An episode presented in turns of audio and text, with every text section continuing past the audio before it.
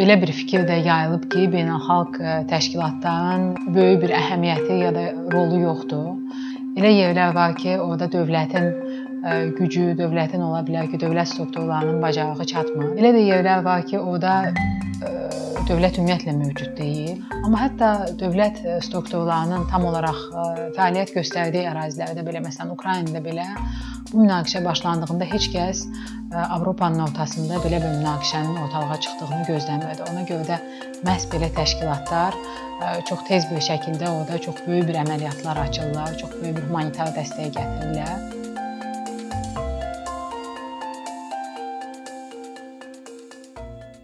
Beynəlxalq Qırmızı Xaç Komitəsində çalışıram hal-hazırda. Bizim təşkilat əsasən dünyada müharibələrin və münaqişələrin baş verdiyi zonalarda işləyir və bizim təşkilatın əsas missiyası ondan ibarətdir ki, müharibələrin, münaqişələrin dağıdıcı qüvvəsini mülki əhali üçün azaltmaq. Yəni təəssüflər olsun ki, bəşəriyyətin olduğu dövrdən münaqişələr daim var və olacaq. Çünki insanlar daim siyasi güc və yaxud da hansı iqtisadi resurslar uğrunda mübarizə aparır. Amma buna baxmayaraq biz düşünürük ki, yəni ki, dünya ictimaiyyəti düşünür ki, əlinə silah almış bir insanla bu məsuliyyəti dərk edib mübarizə aparan bir insanla mülki əhali arasında çox böyük bir fərq var. Yəni ki, dövlətin bu ordusu ola bilər və yaxud da hansısa üsyançı qruplar ola bilər. Onlar əlinə silah aldığında bunun məsuliyyətini dərk edirlər və bilirlər ki, bu onların həlak olmasına gətirib çıxara bilər. Amma mülki əhali təəssüflər olsun ki, xüsusən müasir münaqişələrdə çox vaxt arada qalır, çox vaxt tələf olur, ziyan çəkir və bizim işimizin birbaşa funksiyası ondan ibarətdir ki, bu ziyanı yəni ki, mülki əhali üçün mümkün qədər azaltmaq. İlk təhsilimi, məktəb təhsilimi Bakıda almışam. Əvvəlcə 20 nömrəli məktəb, sonra isə Bakı Avropa liseyinə getmişəm. Daha sonra ali təhsilimə davam etmək üçün Türkiyənin paytaxtı Ankarada oxumuşam, Bilkənd Universitetində iqtisadiyyat üzrə. Yəni məzun olduqdan sonra qayıdıb BP-də işləmişəm.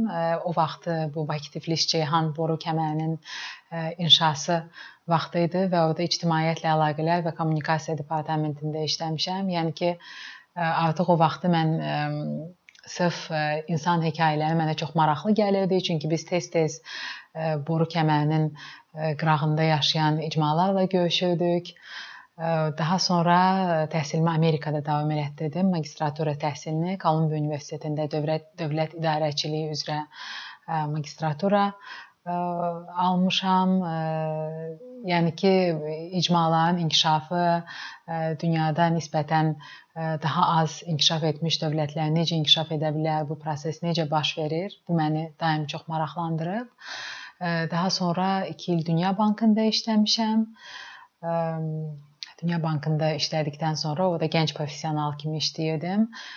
Azərbaycana qayıdıb bizim Mərkəzi Bankda çalışmışam və bütün bu yollardan sonra hal-hazırdakı işimə gəlib çıxmışam. Beynəlxalq Qırmızı Xaç Komitəsində işə daxil olmuşam.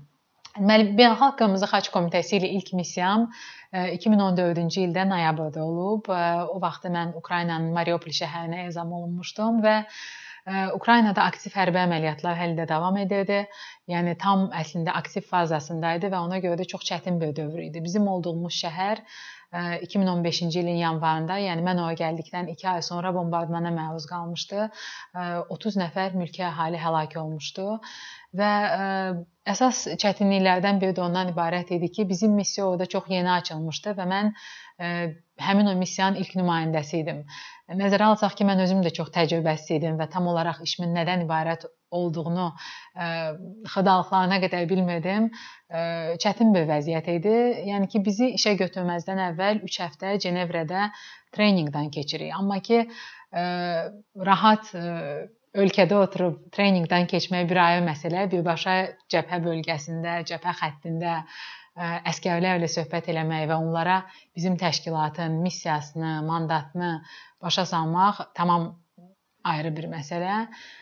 Əsas çətinliklərdən biri də odur ki, biz daim deyirik ki, bizim təşkilat neytral və qərəzsiz bir təşkilatdır. Biz dünyanın bütün bölgələrində işləyirik və bizim hardasa işlədiyimiz heç də və yaxud da bu və ya digər silahlı qrupla işləməyimiz həmin o silahlı qrupun mandatını qəbul etməyimiz anlamına gəlmir. Yəni bizim orada işləməyimiz sırf ona görədir ki, həmin o əraziyə nəzarət edən mülki əhaliyə yardım göstərə bilək.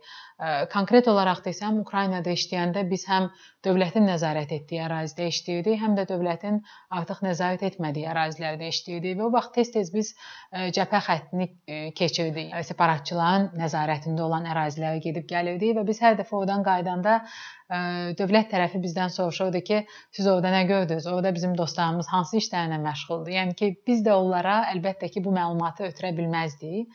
Çünki tutalım biz onlara separatçı tərəfin hərbi pozisiyalarından və yaxud da hərbi texnikasından və yaxud da hərbi qüvvəsindən məlumat vermiş olsaq, bu birbaşa bizim hərbi sirri ötürməyimiz anlamına gəlir. İnsan əlbəttə ki, indi məsələn artıq 3 il işləyəndən sonra bu sualları necə cavablandırmaq lazım olduğunu mən bilirəm. Amma o vaxtı, yəni onsuz da çox çətin bir şəraitdə Ukraynanın şərqində soyuq, əskərlər, blokpostlar, yəni bu kifayət qədər doğrudan da çətin idi. İkinci missiya Mərkəzi Afrika Respublikasında olub.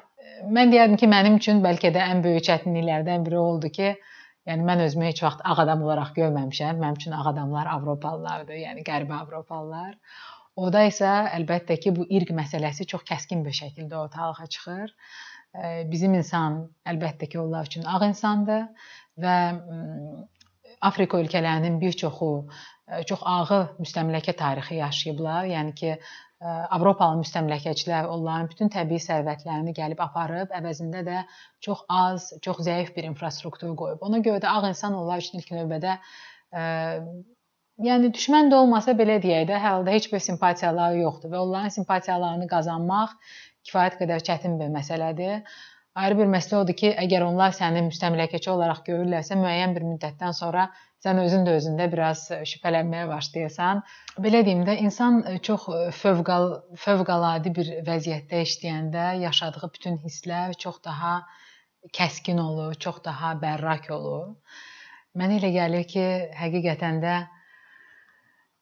yəni məsələn, xüsusən Mərkəzi Afrika Respublikasında işləyəndə mən deyərdim ki, mən Mənə elə gəlirdi ki, mənim bir hissəm aktiv olaraq orada işləyir, fəaliyyət göstərir. Yəni biz yaralıların evakuasiyası ilə məşğulduq. Yandırılmış kəndlərə humanitar yardım gətirirdik. Nə bilim bir cunglinin içində oturub bir ə, e, hərbi üsyançı qrupun rəhbəri ilə söhbət edirdik. Və mən bütün bu işlərlə birbaşa məşğul idim. Amma bir tərəfdən elə bil ki, paralel olaraq, paralel bir reallıqda başqa bir Humay bu Humaya baxıb deyirdi ki, ay qız sən burada nə işin var? Ümumiyyətlə sən bu işlərlə necə məşğul olursan? Yəni mən həqiqətən də xüsusən orada fərq etdim ki, insan heç vaxt tam olaraq öz potensialının fərqində deyil. Yəni o qədər qeyri-adi işlər görürsən və bütün bu vaxtı təsəvvür heç təsəvvürə gətirməyə gətirməyəcəyi qədər ağla sığmaz dərəcədə qeyri-adi işlərlə məşğulsan və dediyim kimi Orda insanların öz arasında münasibət, orada sənin başqa insanlarla qurduğun münasibət çox təbii bir münasibətdir. Ona görə ki, həqiqətən də bu ə, ölüm-dirim məsələsidir. Yəni ki, bu biraz pafoslu səslənsə də doğrudan da elədir. Yəni onu mən Ukraynada da hiss eləyirdim. Çünki məsələn elə olurdu ki, biz bir kəndə gəlirdik, orada humanitar yardım paylamağa başlayırdıq. Birdən-birə atəşkəs pozulur, atəş açmağa başlayırlar. Biz gedib hardasa gizlənirik. Yəni ki, orada insanlarla qurduğum münasibətlər, həmin o dostluqlar, simpatiyalar, empatiyalar insana çox uzun müddət bəs eləyir. Yəni ki, mənim məsələn orada elə öz həmkarlarımla qurduğum münasibətdə e, biz çox uzun müddət 4 il keçdi. 4 ildən sonra mən Ukraynaya qayıtdım. Hələ də mən deyərdim ki, o dostluqlar eyni e, möhkəmliklə e, davam eləyirdi. Çünki orada artıq heç bir sünniliyə yer qalmır. Orada hansısa necə deyim, Yəni də çox çox ağır bir vəziyyətdir və ağır vəziyyətdə insanların tam necə olduğu üzə çıxır və ona görə də mən düşünürəm ki, necə deyim, amma bir tərəfdən də məsələn mənim anam ya da ki, indi ətrafımda olan dostlarım həmişə deyir ki, sən Tereza ana kimi gedib insanları xilas eləyirsən. Mən də deyirdim ki, yox, elə deyil. Mən bu işdən çox böyük zövq alıram. Ona görə bu işlə məşğul oluram. Çünki ə, bu işdən zövq almasan, bu çox ağır işdir ə, və sənin içində başqalarına verməyə enerji yoxdursa, elə çətin yerlərə heç getməyə də dəyməz. Amma o ki, sən kiməsə biraz da olsa da kömək eləyirsən və sən hiss eləyirsən ki, kiminsə ağır şəraitini biraz olsa da yüngülləşdirə bilmisən, o həqiqətən də insan üçün, yəni mənə elə gəlir ki, o qədər böyük bir sevinc mənbəyidir ki, onu nə bilim, yəni heç ölçüb qurtarmaq mümkün deyil.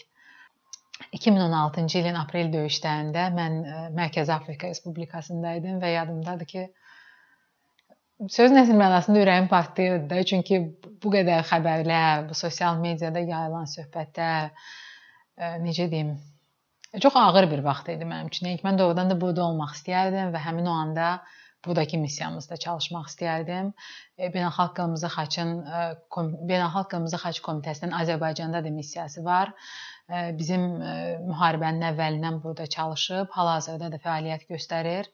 25 ildən artıq e, sözdə atəşkəs olmasına baxmayaraq biz bilirik ki, bu Qarabağ problemi bizim çox ağrılı bir problemimizdir və mən bilirəm ki, Beynəlxalq Qırmızı Xaç Komitəsi bir çox e, itkin düşən, yəni ki, nə ölüsü, nə dirisi e, tapılan, hələ də tapılmayan insanlarımız çoxdur. 3200-ə yaxın itkin düşmüş insanlarımız var və hələ də bizim burada işləyən əməkdaşlarımız o ailələrlə görüşürlər, o ailələrlə daimi ünsiyyətdədirlər.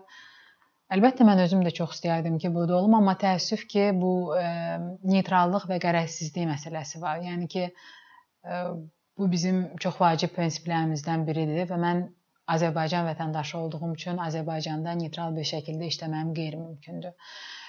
Çünki bizim işimizin çox böyük bir hissəsi ondan ibarətdir ki, biz məsələn Ukraynada Ukrayna ordusu ilə görüşürük və onlar üçün heç də rahat olmayan məsələləri qaldırırıq. Yəni ki, məsələn deyirik ki, sizin hərbi pozisiyanız falan məktəbdən 100 metrə yaxınlığında yerləşib. Siz bu pozisiyadan qarşı tərəfə atəş açdığınızda sizə cavab atəşi gələndə bu məktəbə gedən uşaqları yaralaya bilər. Bunu bir Ukrayna vətəndaşı onlarla müzakirə edə bilməz. Ona görə ki, bu onun təhlükəsizliyi üçün müəyyən problemlər yarada bilər. Yəni biz başqa ölkələrin vətəndaşı olduğumuz üçün bu problemləri çox rahat bir şəkildə müzakirə edirik. Ona görə məsələn bizim tutalım ki, Suriyada olan missiyamızda, Suriyada olan missiyamızda Amerikalılar işləmir ya da usta işləmir. Çünki həm Amerika, həm Rusiya Federasiyası birbaşa bu hərbi münaqişədə iştirak edən tərəflərdir. Ona görə də onların neytral olması qeyri-mümkündür. Yəni əlbəttə belə bir fikir də yayılıb ki, beynəlxalq e, təşkilatların, beynəlxalq humanitar təşkilatların, beynəlxalq e, yəni iqtisadi inkişaf təşkilatlarının e, elə bir böyük bir əhəmiyyəti ya da rolu yoxdur və yaxud da onlar elə də böyük bir xeyir gətirmir.